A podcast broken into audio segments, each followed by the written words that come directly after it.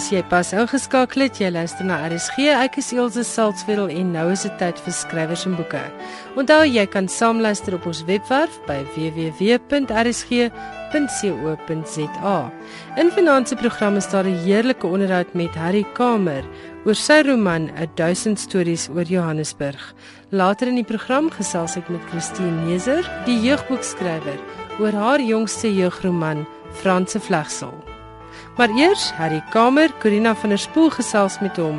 Hulle praat oor sy verbondenheid met die stad Johannesburg, oor Johannesburg se argitektuur en die veranderlikheid van die plek waar hy groot geword het en waar die roman 'n duisend stories oor Johannesburg dan ook afspeel. Hier is Corina van der Spool. Harry Kamer het reeds 19 toneelstukke op sy kerfstok en het tot dusver ook 8 prosawerke geskrywe.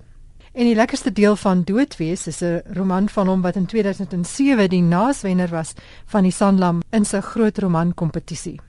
Briewe aan 'n rooi dak wat gebaseer was op die briewe van Magdalena Otto, het die Anglo Gold Art Club prys gewen vir die beste nuwe Afrikaanse drama in 2001 en is ook aangepas vir TV. In 2012 het Harry Kelmer se verhale onder die naam Vlieger verskyn en dis meestal verhale oor Johannesburg. En in 2014 het sy boek 1000 stories oor Johannesburg, 'n stadsroman verskyn by Tafelberg. Welkom hier so, Harry. Dankie, Corina. Harry, jou nuwe roman 1000 stories oor Johannesburg bind verskillende verhaallyne bymekaar om 'n groter storie te vertel oor Johannesburg. Miskien omdat daar so baie stories is, miskien selfs 1000, is dit is dit moeilik om daar 'n oorsig oor te gee oor waaroor die boek gaan, maar ek wonder of jy dit nie wil probeer nie. Ek dink dit gaan basies oor twee stories. Die eerste een is die terugkeer van Swyg van die kerk, 'n uitgewoke of uitgeweekte uh, argitek wat in die 80s in, in die laat 60er jare Johannesburg verlaat het. En die tweede een is oor Bosman Imstra, die digter wat uh omtrent dieselfde tyd of miskien bietjie later in Johannesburg arriveer het nadat hy meester in Europa groot geword het. En die twee van hulle kom by mekaar uit in Bosman se boutique hotel in Belgravia, Johannesburg. En hulle twee is basies die twee mense waarom die storie hang. Dan rondom hierdie is daar voor daar ander verhale gehang. In die eerste plek hulle persoonlike geskiedenisse, hulle familie se persoonlike geskiedenisse en die stories van ander mense wat ook in die hotel tyd gaan op daardie stadium. So as ek nou vinnig moet tel, dink ek daar's 5 of 6 verhale maar die die stories, die storielyne wat die voltooidste is, is die stories van Bosman Hemstra die digter en van Zweig van die kerk die argitek. En Zweig verwys natuurlik na die Oostenrykse Oostenrykse skrywer Stefan Zweig. Stefan Zweig. Ja, ja, ja. Ja, en ja, ja nee verweef ook 'n deeltjie van daardie skrywer se lewe in jou boek. Ja, ja, ja. Jy noem jou roman pertinent 'n stadsroman en dit verbind openlik en interessant met ander skrywers van van Johannesburg wat oor Johannesburg skrywe of sal ek eintlik sê oor skrywers wat oor die stede skrywe. Jy verwys onder andere na die skrywer Ivan Vladislavic wat oor Johannesburg skrywe. Jy verwys na Italo Calvino se Invisible Cities. Iewers in die boek noem jy Johannesburg 'n schizopolis. Mhm. Mm wat bedoel jy daarmee? Ek dink dit is skizofrenie in inherent in Johannesburg wat hy verskillende fasette het, dat hy 'n gesplete persoonlikheid het. Hy het 'n welvarende kapitalistiese gemeenskap en hy het 'n hy het 'n underbelly van baie baie arme mense. So dit is moeilik vir die stad om 'n persoonlikheid te ontwikkel en hy verander ook die hele tyd. Ek dink dit is wat ek probeer sê. 'n gesplete persoonlikheid. Die die persoon wat dit sê is die Chinese fotograaf of die Suid-Afrikaanse Chinese fotograaf uh Richard Doe en hy verwys spesifiek na die lewe wat hy gelei het in die 1980 toe daar 'n amper burgeroorlog in die townships was en hy gejol het in Rocky Straat. Jy weet dis daai tipe ding dat mens letterlik van een heelal na 'n ander heelal in Johannesburg binne 'n paar blokke beweeg. Hmm. Iewers noem jy dit ook 'n Afrika stad. Ja. Wat is jou verhouding met Johannesburg? Jy skryf baie oor Johannesburg. Meeste van jou romans speel hier af. Ja jy het groot geword in die stad. Mm, mm. Wat is jou verhouding met Johannesburg? Die eerste ding wat ek gedoen het toe ek in die skool het is, is ek weg Amerika toe. Ek was 21 gewees toe klaar besig om te studeer. Ek was weg Amerika toe. ek wou nooit in Johannesburg gebly het nie. En ehm um, ja, en dis dit maar so 'n uh, lorry moeder ewe sê, I stay here because my stuff is here. My goeder is hier en dit is hoekom ek maar hier bly. So ek dink ek is maar nie 'n inwoner van Johannesburg uh wat nogal belangstel in die stad. Ek dink uh, 'n mens moet regtig soek om die mooiheid in Johannesburg te kry en die storie self te kry die geskiedenis self te kry want ons slaan alles plat so vinnig as ons kan. En dit is vir my 'n fantastiese ding. Ek stel regtig belang in die argeologie van Johannesburg. Soos ek is nou besig om 'n stuk te lees ehm um, ou vertellings oor ou inwoners en ek kan letterlik ek ken letterlik die huise waaroor hulle praat, die huise waarin die mense groot geword het. So ek ken Johannesburg baie goed in hierdie tyd. 'n Duisend stories oor Johannesburg begin as ware in 'n konsentrasiekamp tent in Turfontein. So 100 jaar gelede, bietjie meer as 100 jaar gelede. Maar dit strek oor 'n lang tydperk, um, minstens tot 2008 ja. tydens die xenofobiese aanvalle waarna ek nou wil terugkom. Maar vir my is interessant dat jou boek omhels die stad of die karakters in jou boek omhels die stad. Dis nie die ou digotomie tussen die platteland en die stad en die stad is die monster en die vreeslike wat ons mense opsluk nie. Nee, dit is mense wat dat die stadheid van die stad omhels. Jy gebruik 'n epiese gedig van die Potchefstroomse digter Tosius, Trekkers weer om die 12 dele van jou boek eintlik bymekaar te bind. Dit is vir my baie interessant. Hoe so en hoe het jy daarop afgekom? Ek het besef tydens my navorsing vir my meestersgraad dat trekkers weer inderwaarheid dalk die eerste Afrikaanse groot Afrikaanse literêre werk is wat oor Johannesburg geskryf was. En dit ek besluit om op daai manier met die boek in gesprek te tree. En dit was nogal interessant geweest want daar was baie dit is dit het nogal 'n spel geword soos iemand wat kla oor hoe die mans die Dina terroriseer wat in 'n dancehall werk as 'n waitress word ge, gekontrasteer met 'n vrou en 'n man wat mekaar optel in Roemers en Rakkiestraat. So dis daai teenstellings wat my baie interesseer. Toe as jy skryf oor die argitektuur in die boek gaan uit die aard van die saak nogal oor, oor argitektuur. So dit is my baie interessante spel gewees om daai goeters te vind en en ook die positiewe dinge te vind wat oor die stad en goeters buite konteks te ver, vervrommel en en dit soort van te maak so by amper van die stad hou. So dit was interessant te speel. En dit was ook vir my interessant om om te kyk hoe daai teenstellings werk. Miskien kan ek net 'n stukkie lees hier. Dis 'n in die begin van in deel 4 van die roman met die titel Die boekwinkel. En die die stukkie uittrekkers weer lees so: Geen trekker bring hier nuwe lewe, maar deur 'n hoër drang gedrewe, kom pionier en delwer aan wat goudvonke uit die rotse slaan. Johannesburg, die was weldra die ligpunt van Suid-Afrika. Ja, en ek dink uh, dit was dalk so naby en ironies as wat Tosius ooit gekom het. Want ek dink nie hy was hy het uitregtig so sterk gevoel oor Johannesburg nie. En om dit dan soort van uit konteks uit te haal en dit neer te sit net vir wat dit is, was nogal 'n lekker speletjie gewees. Jy het self nou net verwys na argitektuur en dat argitektuur vir jou belangrik is. Daar's baie verwysings in die boek na stadsargitekte soos die modernis uh, Le Corbusier, Rex Martinsen en Clive Chipkin wat steeds nog lewe in Johannesburg wat hy wonderlike boek geskryf het oor ehm um, hmm. twee boeke geskryf het oor Johannesburg se argitektuur. Kan jy iets sê oor wel, miskien spesifiek Le Corbusier en Clive Chipkin en en die belangrikheid van hulle vir Johannesburg? En wat argitektuur vir jou beteken? Argitektuur was die sneller van hierdie boek. Dit was uh, geïnspireer deur 'n programnota en Karl Becker, Karl Becker, een van Karl Becker se uitstallings. Hy het gesê Johannesburg is die plek wat jy opkyk na die stad, wat jy kyk by jou voete en niemand is besig om 'n bok te slag besy park en dan kyk jy op na die kapiteel en dan is hy die wonderlike Edwardiaanse argitektuur daarbo. En dit sluit natuurlik weer aan by die skitsopolis van die stad, hierdie stad wat soort van homself herontwerp en herontdek. So dit was die trek gewees. Uh Le Corbusier was 'n interessante stukkie wat ek raak geloop het is Le Groupe Transvaal wat uh Le Corbusier se volgelinge was wat hulself genoem het meestal in Pretoria en Johannesburg En die Kobusee was heeltemal verstom deur hierdie mense wat hom so aangehang het en hy het vir hulle geskryf en so aan. En iets wat ek nie geweet het nie wat Joan Ambichinara sensie opgetel het of genoem het is dat die Kobusee in 1939 aansoek gedoen het vir 'n werk by Martinsen, Rex Martinsen, die groot modernistiese argitek van Johannesburg. En die mense kan net spekuleer wat sou gebeur het as hy die job gekry het, né?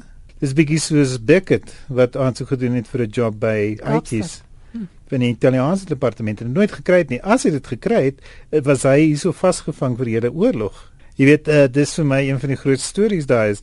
Uh, John James could see dit aangespreek in sy klein essay oor uh, uh die moontlikheid dat Godwana kleerling patwa geskryf word.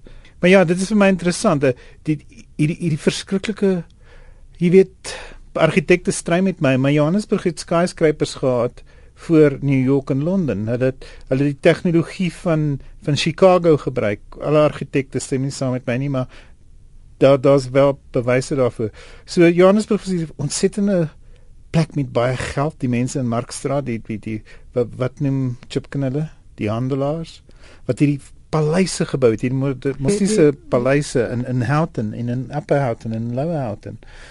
Uh ja, so dis 'n baie interessante ding, jy weet die perversie van geld in Johannesburg. Is is is ding wat al lank kom, jy weet Belgravia waar dit die roman afspeel, was die eerste gated village in Johannesburg, gebou deur um uh net ek se naam vergeet, deur Jeppy deur Julius Chepi. En dit was die eerste omringde stad soos Duinferno is. En toe natuurlik toe die wind nou begine waai en die sand waai na Belgravia toe, toe trek almal nou Parktown toe. Maar en dis vernoem na Mayfair in Belgravia in Londen. So dis dis vir my baie interessant geweest. En dan natuurlik, mens hoef net rondom jou te kyk na die middestad van Johannesburg. Daar 'n groot deel van die apartheid projek was modernistiese jy weet voordat die die die boere broed die ingekom het was 'n groot deel van die Johannesburger argitektuur ehm um, modernisties en wat ek ook sê in die boek is soort van hierdie mense hierdie Afrikaners het modernisme aangegryp op dieselfde manier wat hulle kinders die postmodernisme 20 jaar later aangegryp het. Uh so dit was dis daai tipe debat wat my geïnteresseer het of argumente wat my interesseer met die skryf van hierdie boek. 'n Groot deel van die boek se modus vivendi of sy motor is die geweld van 2008, die xenofobiese aanvalle. Hy skryf Johannesburg se geskiedenis van geweld begin met Pickaxe Mary. Wat is die storie van Pickaxe Mary? Sy was 'n stakeleier gewees wat met 'n uh, met 'n pickaxe rondgeloop het en mense uitmekaar het geslaan het. Mary Fitzgerald Square is natuurlik na haar vernoem, soos wat jy weet. So ja, ek kan nie ek kan nie nou die detail onthou nie, maar ek weet net sy was 'n kwaai tannie gewees en sy was 'n stakeleier gewees. 2008 se se xenofobiese aanvalle het, het meeste mense in Johannesburg erg geraak. Hoe het jy dit ervaar en hoe het jy gedink om dit te verwerk in jou boek? Ehm um, ek het dit maar ervaar soos wat meeste middelklas mense dit ervaar deur die media. Ek weet daar was, jy weet daar was insidente redelik naby aan my huis en so, maar ek was nie regtig blootgestel daar nie. Maar ek was baie bewus mense wat ek geken het was benadeel daardeur en beïnvloed daardeur en dit is wat my aange Jy weet en dit was hierdie ding van net agter die bult van my af is daar hierdie xenofobiese geweld aan die gang. 'n Gesin wat ek ken wat sedert die 1890s in uh Belgravia of Jeppystown woon, is daarvan beskuldig dat hulle Pakistanis is en vasgekeer nie inkomelinge is en hulle is vasgekeer in hulle gebou en hulle gebou is amper afgebrand. Jy weet, daar daar regtig verskriklike goeters gebeur in daardie tye en uh, ja, dit is um, dit het my regtig nogal geraak en uh, ek dink die die tema van geweld die die die kwessie van die inkomer uh, uh die uitlander kwessie die reform committee nog voor die boereoorlog dit is alles ding van die Johannesburg wat jy weet mense is nie gemaklik met mekaar nie. En dan is die hele tyd striweling in 1922 1913 uh die die aanvalle op die op die Chinese mynwerkers 1903 1902 uh jy weet dat daar's 'n tradisie van geweld in Johannesburg vir my is dit duidelik dat jy as 'n skrywer wat baie skryf oor die stad is jy ook baie in in aanraking met die sosiale en politieke zeitgeist dit is duidelik in al jou werke. Jy het ook pas 'n uh, toneelstuk geskrywe oor Bram Fischer. Hmm. Dit lyk vir my of jy geskiedenis en die detail van die geskiedenis vir jou belangrik is. Ja, ek dink dat jy weet dis maar daai ding wat John Coetzee, James Coetzee altyd gesê het is dat as ek nie oor as ek nie gaan skryf nie, wie gaan oor hulle skryf? Ehm um, ek stel baie belang in die versteekte geskiedenis. Veral nou dat ons belewe hoe die geskiedenis herskryf word. Dit is vir my baie interessant die manipulering van geskiedenis en en en geskiedenis se propaganda en en natuurlik die vryheid wat fiksie bring deur met historiese feite tot te speel kan jy heeltemal 'n waarheid vertel wat dalk baie waarder is as die geskiedenis mm. omdat jy mense inbring. Ja, dit laat my dink daar's sulke twee cameo verskynings van Nelson, daar's een van Nelson Mandela en ja. een van Nadine Gordimer ja. in jou boek en dit is heeltemal uh, oortuigend dink ek. ja, ja, dit is dit is 'n lekker game gewees om te speel, jy weet, um, om te besef dat hierdie mense hier was op spesifieke tye en te kyk of hulle wel daar was en hulle was. Jy is 'n meester storieverteller en jy jy het baie slim besig om al die stories bymekaar te weef. Maar daar's ook 'n wonderlike sin vir humor wat ek altyd optel in jou werk, ook in die toneelstukke. Daar's byvoorbeeld 'n fantastiese klein anekdote in jou uh, in jou boek oor die oor die meisie. Die Praat jy van Page Turner? Ja, van Page Turner. Page Turner gaan vat vir Bosman in Straat toe. Dit is nie meer van hierdie geweld en hulle hulle is omring deur die geweld. En sy vat hom huis toe net voordat dit toe dinge nou warm raak. Sy is nogal seksueel aggressief en Uh, Bosman is nog al lus dis vir aan toe sy lees hy 'n tattoo op net bo haar stytjie net te dinge nou warm raak en dan skrik homself heeltemal impotent welcome to my anecdote en dis net ja dit was net 'n wonderlike storie en natuurlik die ding is toe ek die ding geskryf het in Stellenbosch in daai klas waar almal geweet het die mense so daarvoor gelag dat ek besluit het ek gaan het, ek gaan dit al hoe verder uitstel dat mense nie dadelik weet wat op hy toe staan wat ou arme bosman so seksueel frustreer en impotent maak nie. Wel dit werk baie goed. Dankie. Daar is 'n 'n klankbaan aan jou roman. Het ek gedink. Kan jy iets meer daarvan sê en wat dit is? Dis interessant, jy is die tweede mens wat dit optel. Uh Willem Boshoff het dit opgetel. Dit is 'n klankbaan Dis nie 'n popmusiek klankbaan nie. Dis 'n klankbaan van township. Dis 'n klankbaan van jazz. Dis 'n klankbaan van moderne komponiste, moderne klassieke komponiste. So dit is 'n uh, dis 'n klankbaan van die minder bekende wat die mense in hierdie boek ervaar en beleef. Wat ook vir my interessante learning curve was. Een van die dinge wat ek moes gedoen het is wat ek baie vroeg in die ding gedoen het is 'n ou triek wat ek by Marlene van die kerk gesteel het is dat jy jou karakter heeltemal soort van 'n klomp dinge gee wat jy maak 'n lys van wat hy hou en wat een van die dinge wat sê ek het 'n voorliefde vir moderne musiek. En ek luister op die oomblik na Nixon in China jy weet uh, so dit is jy weet so dis alles geïnformeer deur daai besluit deur daai tipe musiek in te sluit. En dan natuurlik die musikant Dube Samson Dube wat vermoor word baie vroeg in die boek omdat hy nie kan Zulu praat nie is 'n jazzmusikant 'n uh, alto saxofonist 'n alto saxofoon speler ja en en en, en Bosman is hierdie aggressiewe musiekluisteraar en waardeerder en Samson kom met 'n familie van jazzmusikante uit so daar's al hierdie temaatjies in en mense se musiek Miskien 'n laaste vraag ja. so 'n boek wat so baie stories het en wat so baie baie karakters het eintlik. Hoe maak jy die sirkel rond of hoe sluit jy dit af? Hoopelik is die sirkel nie te rond nie. Maar ek weet nie wie opgetel het nie, maar baie mense vind dit vreemd maar daar's 'n paar karakters wat verdwyn. En ehm um, dit is doelbewus gedoen. Ek is verbaas hoe koherent die boek is want ek het besluit ek wil 'n boek skryf wat moeilik gaan lees. Ek was in 'n berekfase geweest ek boek begin skryf het en ek was baie be, beïnvloed deur hoe hy dinge doen. Ja, George Perec, die Franse skrywer. En ek wou 'n belemmerende boek skryf. En soos wat ek verder gegaan het en al hoe meer het my konservatiewe storie vertel oor al hoe meer ingeslyp en het ek die dinge gefatsoneer en, en maar redelik vroeg binne die eerste 2 jaar het ek besef of binne die eerste jaar het ek besef die boek gaan nie so verspringend wees as wat ek hom gedink het hy gaan wees nie. Uh en toe nou die dag ek toe kom ek af op notas wat ek gemaak het agter op spreadsheets wat ek gemaak het om al die karakters en tonele bymekaar te hou. So iewers langs die pad moes ek baie ernstig baie ek kan onthou daar was kolomme teen my mure met verskillende kleurkodes en so aan, maar dis nou alles al vergeet, maar iewers langs die pad moes ek baie beplan en strategies gewerk het om alles bymekaar te trek. Om terug te kom na die twee karakters waaroor ek begin praat, Swaig en Bosman, hulle stories trek natuurlik die hele ding bymekaar. En natuurlik die die sentrale punt van die hotel, my villa, is natuurlik 'n wonderlike device wat jy weet dat mens mense bymekaar bring. Chaucer het dit gedoen. Ehm um, die slaapkamer in 1001 nagte het dit gedoen. Stories kom bymekaar op spesifieke plekke. So dit het alles gehelp. Dit was Harry Kamer oor sy jongste roman, 1000 stories oor Johannesburg. Hy het gesels met Corina van der Spool. Professor Willie Burger, die hoof van die departement van Afrikaans aan die Universiteit van Pretoria, kon ook nie uitgepraat raak oor hierdie boek nie.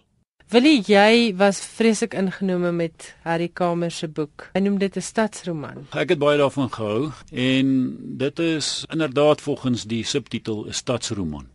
Nou as 'n roman al vir jou so aangekondig word op die buiteblad, dan roep dit natuurlik 'n klomp idees op oor die stadsroman.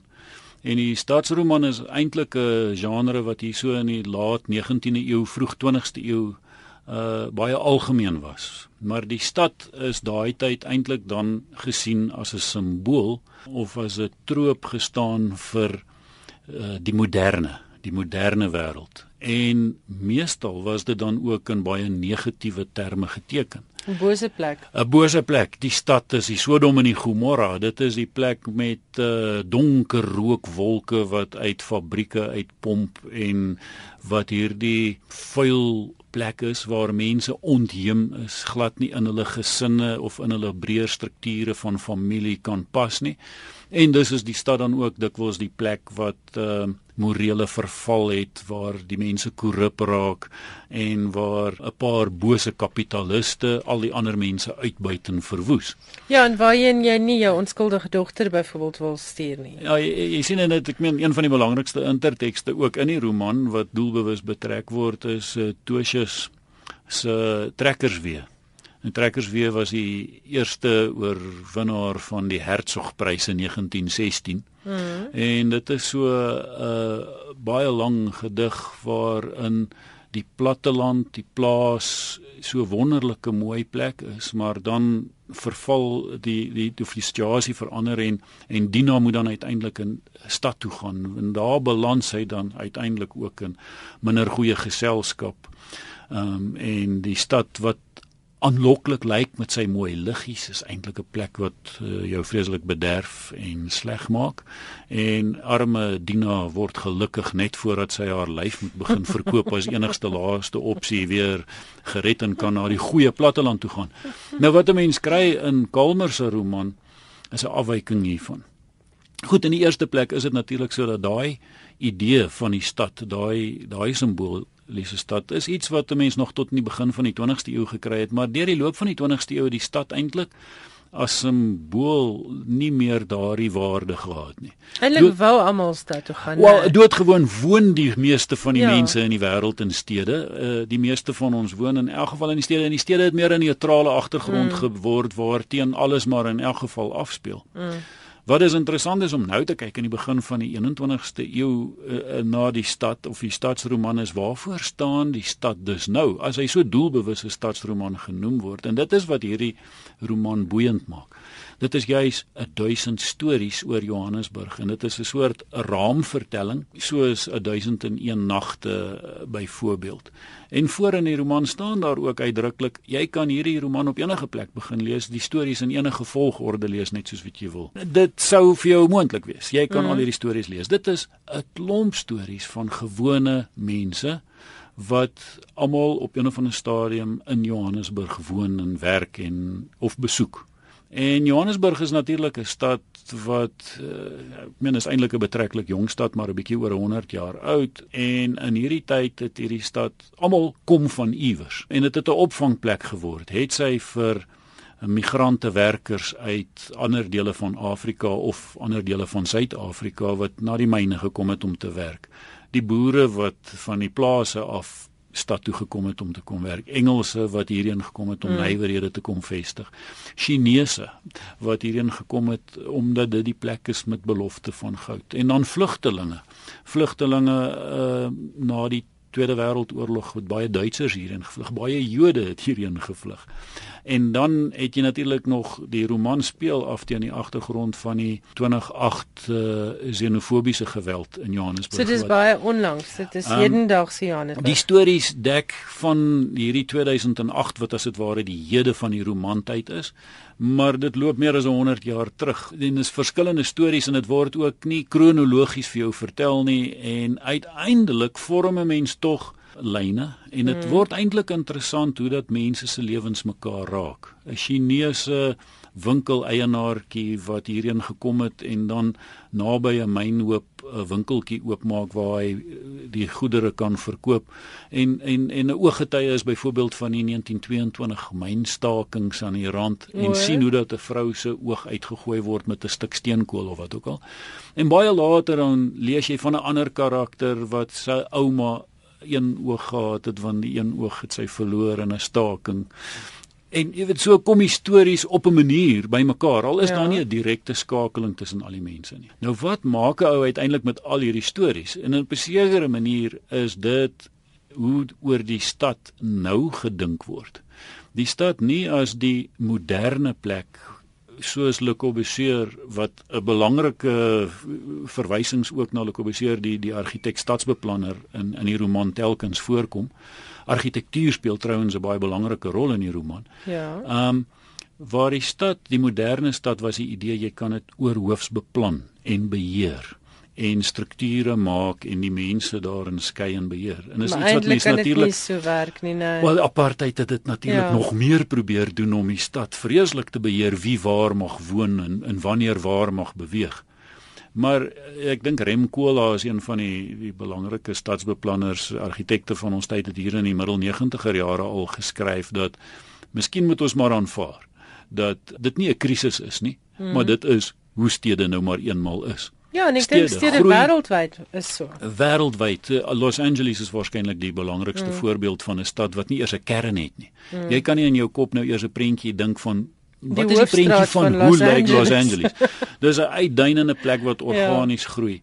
En en dit is iets wat ons hierso kry in hierdie roman. Kyk na Johannesburg as plek waar mense se lewens mekaar op 'n of ander manier raak. Het sy omdat hulle met mekaar handel dryf of omdat iemand deur iemand anders beroof word of iemand wat iemand anders help of mekaar ontmoet of wat ook al. En op hierdie manier raak dit 'n organiese verweefde groep mense wie se lewens mekaar op 'n manier raak. Dit laat mense nogal dink op 'n manier aan die werk van Ivan Vladislavich, There is the Supermarket of um, Portrait with Keys wat ook oor Johannesburg gaan. Mm. Maar wat Johannesburg juis nie teken as hierdie modernistiese stad waar beplanning en struktuur is nie, maar 'n plek wat eintlik bietjie chaoties is bedreig aan die een kant weens veelerlei misdaad, probleme, armoede, maar aan die ander kant so opwindende plek met moontlikhede en groei. En 'n lekker plek, 'n positiewe plek. Ja, en dit is bly die, die hele tyd, is dit hierdie hierdie ligte kant te saam ja. met 'n swaar kant. En en dit is eintlik maar wat 'n stad is, 'n stad wat hoop bied telkens weer vir vlugtelinge, mm. wat moontlikhede bied vir mense om 'n nuwe begin te maak, om iets anders te doen en aan dieselfde tyd is dit ook 'n plek wat uh, wat vir baie mense uh, verwoestend is. Ja, ja. Maar in die proses dink ek is dit 'n baie interessante, mense sou seker kon sê 'n postmodernistiese blik op die stad. Nie daai ene van 'n sentrale beplanning en hierdie versplintering van storieetjies wat jy deurgaan skry. Wat ook nie 'n begin of 'n einde of 'n deurlopende lyn het nie, die is natuurlik ook uh, simbolies van hoe die stad uh, vandag daar uitsien. En wie sou die boek geniet? Ernstige lesers of is dit 'n boek wat weier byval gaan vind? Ek dink is een van die snaakste goed wat ek in 'n lang tyd gelees het. Ek dink mens moet seker nie te veel van die storieetjies weggee nie, maar gee een lusmaker. Die een meisie laat 'n uh, paar tatoeëermerke op haar aanbring en sy is uh, baie gek na Breiten Breitenbach se poësie. en die gedig van Breiten uit die 60er jare die dood begin by die voete het haar beïndruk. Toe vra sy vir die tatoeëer kunstenaar om dood begin by die voete onder op haar voetbrug te tatoeëer. Die enigste probleem is, die tatoeëerkunstenaar um, is nie Afrikaans magtig nie en sy skryf nie baie mooi nie. En toe staan daar doos begin by die voete. Dit was die baie onnutsige Willie Burger oor Harry Kamer se 1000 stories. 1000 stories oor Johannesburg word uitgegee deur NB Uitgewers en kos R230. Ek gesels nou telefonies met die jeugboekskrywer Christine Neser. Dit is altyd lekker om iets uit jou pen te kry. My kind kan nooit wag vir 'n nuwe boek met L as die hoofkarakter nie. Jou jongste boek is Franse Vlegsel en L is weer die hoofkarakter. Vertel gou vir ons van die aanloop tot Franse Vlegsel. Hoeveel ander boeke is daar in die reeks? Franse Vlegsel is nou nommer 6 in hierdie reeksie. Hy het begin in 2009 met kondensmelk en uh, na kondensmelk is is dit toe nou koshuis koffie waar L toe nou koshuis toe is. En ons het gedink dit gaan so 'n twee luik reeksie wees, maar toe kry maar lewe van sy eie en toe gaan ons aan met blou sjokolade en na blou sjokolade is nommer 4 toe Rock Sisters. Toe kom Duine Besie en nou is dit Franse vlegsel. En nou kan die luisteraars met dogters so tussen ja, ek skat so van 13 af, né? Ja, weet jy, daar's sterk lesertjies wat van so 11 wat hulle al kaf draf, maar um, ek dink uh, emosioneel sit bo kan 12. Ja, ek ek kan dit regtig vir lesers met dogters van 12, 13, 14 jaar oud aanbeveel. Dit is heerlike ontspanning. Alice se vreeslike funky karakter en al die tieners is absoluut mal oor haar want sy lei hulle soort lewe. En ek dink so 'n stukkie, daar's 'n bietjie fantasie ook by die lewens wat hulle graag sou wou lei. Vertel bietjie hoe benader jy 'n jeugboek. Jy is nie prekerig nie. Is daar fantasie in? Wat maak dat jy tieners so boei? Weet jy met hierdie spesifieke reeks, eh, dit begin by 'n romanse skryfskool waar daar 'n romantiese spanningslyn in die, in die storie moes wees. En dit het nou toevallig in kondensmelk in uitgeloop.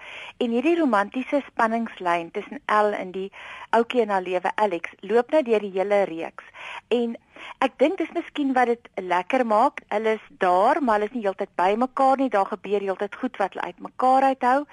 En ek het probeer om goed wat ek self al beleef het eie kampvakansies eie koshuis ervaring, eie staptoere, 'n eie Paryse vakansie lyk like af. Ja, bestaan op 'n stadium ja, in de, in te werk sodat as ek oor 'n ding skryf of vertel, dit is iets waar ek regtig al was maar ek probeer nie doelbewuste lesie inwerk nie. As daar 'n les uitkom, wonderlik. Ek dink byvoorbeeld in Raksusters was daar 'n gasmeisie wat hulle was almal geweldig spesieus en dit haar wie, wie die slegte van haar gedink en sy het op die ouend was sy nou die heldin van hulle orkes. So daar daar is dit miskien 'n les hier en daar, maar dit is dit Dis is toevallig. Ja. ja. En El is 'n tipiese tiener. Sy gaan deur al die selle angs en kwessies van 'n tienerjarige. Het jy self 'n tienerdogter dat jy dit so goed verwoord? Ek het 'n paar jaar terug 'n tienerdogter gehad wat nou al groot is, maar ja, sy's grootliks gebaseer op my eie tienerdogter wat 'n ingewikkelde entjie mens was toe sy hier vir 14, 15, 16 was. En daar's mos 'n Chinese spreekwoord sê my you live in interesting times. Ons het eintlik 'n soort van 'n vloek. Ja. Maar ons het in interesting times geleef op 'n stadium en ek het nog van hierdie lewenslessies en hierdie goed wat ek uit daai tyd geleer het, so uh, ingewerk in die boeke. So wanneer het jy begin kinderboeke skryf of jeugboeke dan nou? Uh dit was nou juis in 2009 toe ek 'n skryfkursus gaan bywoon het van die ATKV by ehm um, Potchefstroom. Ja. ja. En dit was die romanse skryfkursus en ek het besluit ek voel vreeslik ongemaklik met hierdie volwasse uh, karakters waar die beeldskone meisie en die ongelooflike uh, aantreklike man mekaar op die eerste bladsy kry dan beklei en dan vry en toe het ek uh, tiener karakters gebruik en dit het toe nou daarop uitgeloop dat uh, Prof Fransie Greiling wat die kursus aangebied het my gevra het om my huiswerk opdrag te gaan oorskryf en 'n storie daarvan te maak. Weet jy ek moet vir jou sê ek dink jy het hier 'n besonderse mark getref want daar is min vir die ouderdomsgroep bo 13 is daar altyd 'n tekort aan lekker leesstof, nie prekerige leesstof en goed wat kinders net regtig fascinerend laat ontspan. So, hoe werk jy om karakters te ontwikkel? Weet jy, elkeen van die karakters het wat soos wat hy nou maar ontwikkel het in die boek, het 'n naam van iemand wat ek ken. Ja. So daai karakter het ek gekies uit van my kinders se vriende se name en ek het hulle gebel en gevra, "Kan ek asseblief jou naam gebruik of mag ek asseblief jou karakter gebruik? Ek gaan hom 'n ander naam gee, maar ek wil jou karakter gebruik." So dit voel vir my ek ken elke kind in die boeke Ja. en hulle het nou maar so saam met my gegroei. En die stories werk maar net as jy jou karakters ken. Jy weet wat 'n karakter gaan doen, gaan sê. Um, en dan gebruik jy maar 'n goeie skoot verbeelding en ja, ek weet nie my man sê as ek agter op die term sit en ek en hy voel ek trap nie meer dan weet ek dink 'n storie uit. Hoe gereeld gebeur dit dat jou arme man alleen tandem trap want jy is nog al 'n produktiewe skrywer met omtrent 'n boeke jaar. ja, ek- ons probeer elke jaar van van 2009 af is daar elke um, November maand 'n boek. Uh, so dit dit gebeur redelik baie dat ek swak trap daar agter op die term. En sê vir my as jy nou jy het nou die karakters, besluit jy dan nou elke jaar op 'n nuwe tema of gebeur dit Ja. vloei die tema half voort uit die vorige boek? Uh dit gebeur soms dat daar 'n tema opduik in een boek wat ek dink ja, dit gaan lekker werk in 'n volgende een, maar weet jy dit tref jou net eendag hier's hier's iets. En ek het nou klaar vir die, vir die la- vir die volgende boek het ek weer iets getref by Aardklop het, het net 'n tema net na my aangestap gekom en ek geweet dit is die tema vir die volgende een. En dit dan sit groot bonus as jy daai tema het want dan is dit soos die bolletjie wol wat jy begin jy het nou die garentjie jy kan hom begin trek. Nou nou nou kom hy. En skryf jy maklik? Is dit iets wat iets wat jy maklik geleer doen het of kom dit natuurlik? Weet jy, ek dink ek vertel maklik stories en skryf is nou mos maar nou net die die neersit agter die op, weet, op die stoel en dan die vertelling oorsit in in in woorde. Ek is baie lui om te gaan sit by die rekenaar, maar as ek gaan sit en ek het die storie dan kom dit maklik, ja.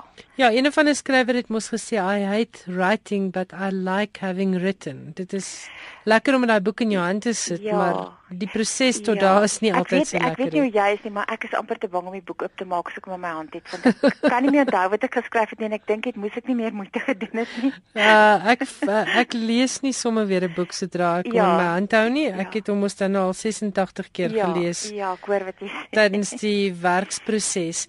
Die goeie nuus is nou klink dit vir my daar's 'n volgende boek met El as hoofkarakter op pad. Ek hoop so.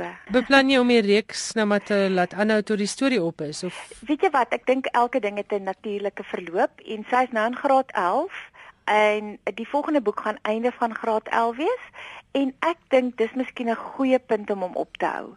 Maar ek wil ek ek kan ek het so 'n bietjie van 'n rubberarm so as die uitgewer ah, genoeg druk op my sit dan sal uh, miskien nog eenetjie kom maar ja As daar 'n baie goeie tema aangestap kom, dink ek ja, maar ehm um, ek dink mens mens loop as die partytjie op sy lekkerste.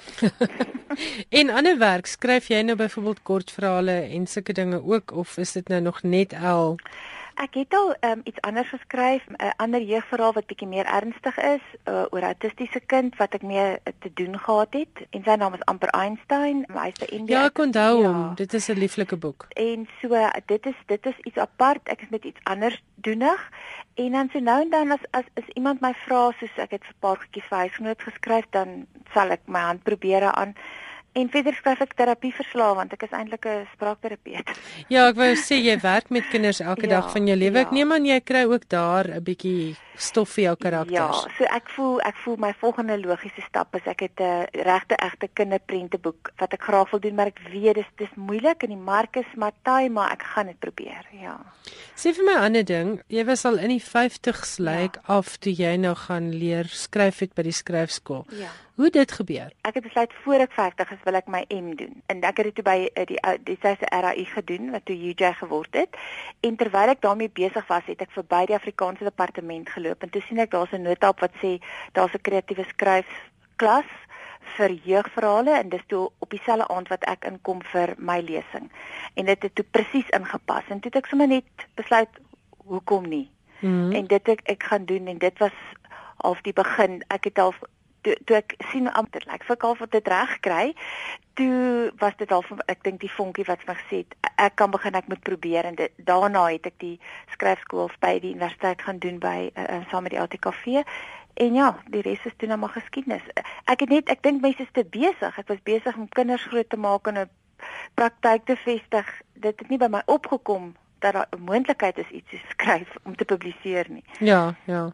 En die proses was dit nou vir jou 'n maklike ding of het jy nie besef boeke is sulke harde werk nie? Nee, genade. Ek het aan die eerste hoofstuk het ek so lank geskryf en toe stuur ek hom sommer in toe uh Profansie my balance, hoe gaan dit nou met jou manuskrip? Dis ek wel ek het al een hoofstuk klaar en toe stuur ek hom in en ek kry dit briefie terug. Ons doen die eerste hoofstuk en jy skryf klaar. en ehm um, en dis nie 'n lekker briefie nie. Dit het my seker 9 maande geneem en daarna is daai ding soveel keer geredigeer dat ek op 'n stadium net vir Jackie Jakob se brief geskryf en gesê het hierdie manuskrip is soos my 106 nagklere wat ons moet maak in naaldwerk. Al die nate is so voorsgestukkie ding val nou uitmekaar. Hy's nou al 'n grootte te klein. Kom ons los dit net. Mm Sy nog een keer. En was dit goeie raad? Ja, mens sien maar net later en en dan is regtig daarna raak dit al al makliker. Nou lees jy baie jeugverhale om soort van die ritme te kry en om bietjie meer in tieners se koppe in te kom ek lees enige ding wat ek my hande kry. Ek het nou pas um, die Sanlam Pryswenner se boeke gelees. Ek was so beïndruk met hulle. Ek sit nou met Annelie Ferreira se Chuck Norris kandeel deur nul in my hand. So wat ek in die hande kry, lees ek. Ek lees graag Jaco se werk, ek lees graag Fanie se werk, maar ek wil nie lees om iemand na te boots nie. Ek wil net lees om verstom te staan oor wat ander mense uitdink. Ja. Ek ja. dink elke mens het so sy unieke stempel. Mens kan mekaar eintlik nie naboots nie. Elkeen het maar sy plekkie. So. Ja. ja. Ek dink glad nie dis moontlik om 'n ander ja. skrywer na te boots nie. Ja. Dink die meerderheid van ons moet maar ons eie voete vind. Ek skat so, ja. Ek dink mense weet wat kom natuurlik vir jou. As dit nie natuurlik kom nie, weet jy, jy moet miskien nog iets anders doen. Dis die wyse raad van Christine Nieser, skrywer van die L-boeke. In die reeks is daar kondensmelk, kosas koffie, blou sjokolade, Rock Sisters, Dynabesi en Franse vlegsel. En al hierdie boeke kan aanlyn bestel word by www.lapa.co.za. Dis die ideale Kersgeskenk vir tienermeisies. Ek skat so van die ouderdom van 12, 13 tot miskien 15. Johan Meiberg, baie welkom in die ateljee. Dis amper vakansie. Ek hoop jy het iets wonderliks wat vir jou wag. Maar watse boeke nuus het jy vir ons? Ja, baie dankie, ehm um, Ilse. Die Britse Folio Society het pas 'n lys boeke gepubliseer wat die vereniging reken die invloedrykste boeke ter wêreld is. Volgens die BBC is die lys opgestel na opname in Brittanje. Die deelnemers kon kies uit 'n lys van 30 boeke. Die Bybel, heel bo aan die lys, het sowat 37% van die stemme gekry. In die tweede plek is Charles Darwin se On the Origin of Species met 35%. Die volgorde arbitrair soos die soort opnames is, is dan die volgende sewe boeke: A Brief History of Time van Stephen Hawking, Relativity van Albert Einstein, 1984 van George Orwell, Principia Mathematica van Sir Isaac Newton, To Kill a Mockingbird van Harper Lee, die Koran, The Wealth of Nations van Adam Smith en The Double Helix van James D. Watson. Ek het bietjie gaan nalees oor die Folio Society, hulle is in 1947 gestig. Die vereniging se oogmerk is dat, soos hulle sê, die wêreld se voorste letterkunde in net die beste boekvorm op net die beste papier uitgegee moet word. Die boeke is uiteraard peperduur, maar as jy daarvan hou om 'n boek in die hand te hou en hierdie is mooi boeke, gaan maak dan 'n draai op hulle webwerf by www.foliosociety.com. Johan, jy het nuus oor nog 'n lys van boeke. Nou jy sien dis weer daai tyd van die jaar soos jy net nou gesê het wat in die nuuswêreld bekend staan as komkommertyd die tyd wanneer alles stadig begin afwen en nuus al skaarser word. Lyste van die langste en die gewildste en die blinkste verskyn hier vlak voor Kersfees. Waarskynlik is deel van 'n onuitgesproke bemarkingsstrategie. Hoe ook al, The Telegraph, die Britse dagblad, het reeds vorendag gekom met sy lys van die 100 boeke wat elke leser onder die knie behoort te hê. Nou hier's vir jou weer 'n geleentheid om jouself te gaan toets. Elke leser se lys van 100 gaan verskil en die Telegraph sin is allermins volledig of noodwendig korrek in sy volgorde. Nietemin die grootes soos Joyce, Dostoevsky en Dickens is daar. Maar daar's ook 'n paar weglatings wat 'n mens na jou asem laat snak. Die lys gaan ons publiseer op RSG se webwerf. Jy kan self oordeel oor die koerant se top 10 boeke. Ek gee in volgorde van 10 tot dan nou nommer 1. In die 10de plek sê The Telegraph is dit Don Quixote van Miguel de Cervantes. In die 9de plek Mrs Dalloway van Virginia Woolf. In die 8ste plek Disgrace van James Coetzee. Dan Jane Eyre van Charlotte Brontë. In die 6ste plek Marcel Proust se vertaling soos ons dit ken Remembrance of Things Past. In die 5de plek Heart of Darkness van Joseph Conrad. In die vierde plek The Portrait of a Lady van Henry James. In die derde plek Anna Karenina van Leo Tolstoy. Moby Dick van Herman Melville in die tweede plek. En in die eerste plek George Eliot met Middlemarch, die roman wat Virginia Woolf indertyd beskryf het as een van die weinige Engelse romans vir groot mense. Dis 'n baie vreemde lys. Dis hoekom ek gesê het, wat is jou kriteria? Ehm um, Ja, dis baie subjektief. Dis ongelooflik ja, subjektief. Wat vir my goed is, is nie noodwendig eers vir jou leesbaar nie. Ek dink die die punt wat mense hieruit kan haal is dat hierdie boeke is minstens almal leesbare boeke. Maar dit is soos jy sê daar's 'n paar groot name wat 'n mens ten minste op. Jy moet na die jy moet na die res van die van die van die 100 gaan kyk dan. Goed, um, ons sit dit ons sit dit op die webwerf of en ek gaan dit ook op Facebook op skrywers en boeke se Facebookblad sit. Vir sover 'n mens geïnteresseerd is. Johan, jy het ook nuus oor 'n boek wat teen 'n reuse bedrag opgevel gaan word. Kort nadat die jongste uitgawe van Dylan Thomas se versamelde gedigte in die New Century Edition met John Goodby Weidenfeld as samesteller in Brittanje verskyn het, kom daar nou 'n bundel van die Walliese digter binnekort onder die hamer by Sotheby's in Londen. Die bundel met 49 handgeskrewe gedigte kan volgens die afslaer tot soveel as 1.7 tot 2.6 miljoen rand haal. Dis gedigte wat nog nooit uitgegee is nie. Thomas het die notaboek iewers in die 1930s by sy skoonma se huis in Hampshire vergeet. Sy het later haar huisbediende opdrag gegee om die boek te verbrand, maar hy het dit om een of ander rede nooit gedoen nie. Hy het die boek gebeer en heeltemal daarvan vergeet totdat hy op 'n dag verneem die digter is dood. Toe hy die en boek bekend, gaan en bekend. Toe hy die boek gaan soek. Baie slim hy souer daai. Thomas is in 1953 op 39 jarige ouderdom oorlede. Nou die vermoede bestaan dat Thomas die notaboek begin het teen Julie 1934 en voltooi het in Augustus die volgende jaar.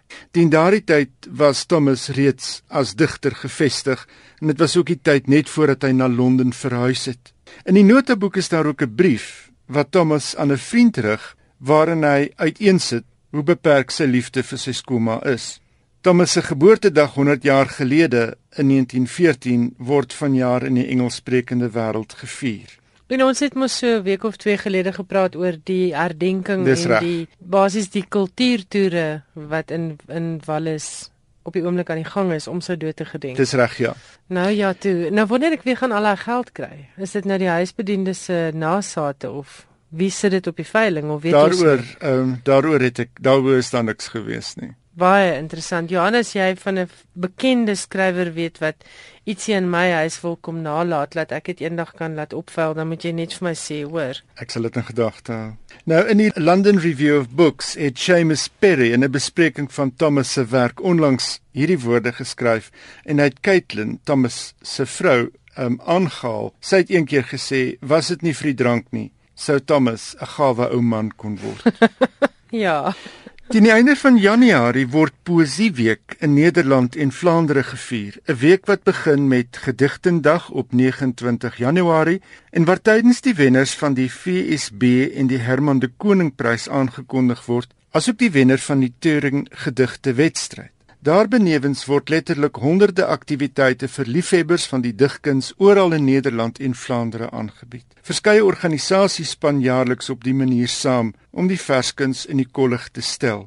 Die tema van die poesieweek van jare is met singen is die liefde begonnen. Iets soos die liefde begin met 'n lied. Dat 'n mens poesie kry die oomblik wanneer 'n digter oor die liefde begin skryf. Onderwysers word tydens die week betrek om liries te raak oor poesie en om daarmee te help, besoek digters skole en kan leerdlinge aan heel party projekte deelneem. Onderwysers kry ook toegang tot leswenke om liefdespoesie te behandel. As lesers tydens die week 'n digbundel ter waarde van net meer as 10 euro aanskaf, kry hulle daarmee as geskenk 'n bundel van Ilja Lennard Pfeiffer. Pfeiffer is vanjaar aangewys as die skrywer van die sogenaamde poesiegeskenk, 'n opdragwerk wat gesubsidieer word. Pfeiffer woon deesdae in Genoa in Italië en hy was voorheen verbonde aan die Universiteit van Leiden. Sy debuut van De Vierkante Man het in 1998 verskyn. Vroeër vanjaar het hy met sy roman La Superba die Libris Letterkundeprys gewen.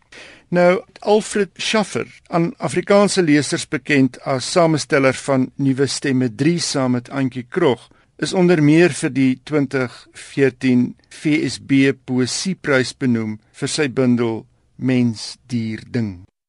Nou ja, as ek luister na sulke wonderlike inisiatiewe soos hierdie in Nederland om 'n taal se letterkunde te bevorder, dan wil ek nou net weer vir luisteraars vra, ons het nie hierdie inisiatiewe in Suid-Afrika nie. Ons het nie 'n poesieweek of 'n romanweek of so nie. Doen wat julle kan en ondersteun Afrikaanse letterkunde deur byvoorbeeld boeke as Kersgeskenke te koop hierdie jaar. Dis darem een manier waarop ons as gewone lesers kan bydra tot ons taal se letterkunde. Dis nou weer alwaarvoor ons vanaand tyd het. Baie dankie dat jy saamgeluister het na skrywers en boeke hier op RSG. As jy 'n e e-pos wil stuur, ons adres is skrywers en boeke by rsg.co.za en die SMS nommer is 3343. Elke SMS kos R1.50. Volgende week is ek weer terug, dieselfde tyd, dieselfde plek net hier op RSG. Dan praat ons onder meer oor Louis Estreisen se bundel Die afwesigheid van berge. As jy dalk 'n gedeelte van finansie program misgeloop het of as jy weer wil luister, onthou hierdie gesprek is soos al die ander skrywers en boeke beskikbaar as 'n potgooi op RSG se webwerf by www.rsg.co.za. En hierdie program word ook weer Saterdagnag in deernag uitgesaai, so ongeveer 1:00 die nag. Tot volgende week dan, baie lekker week vir jou. Ek hoop jy het lekker lees goed en ek hoop jou vakansie is in sig.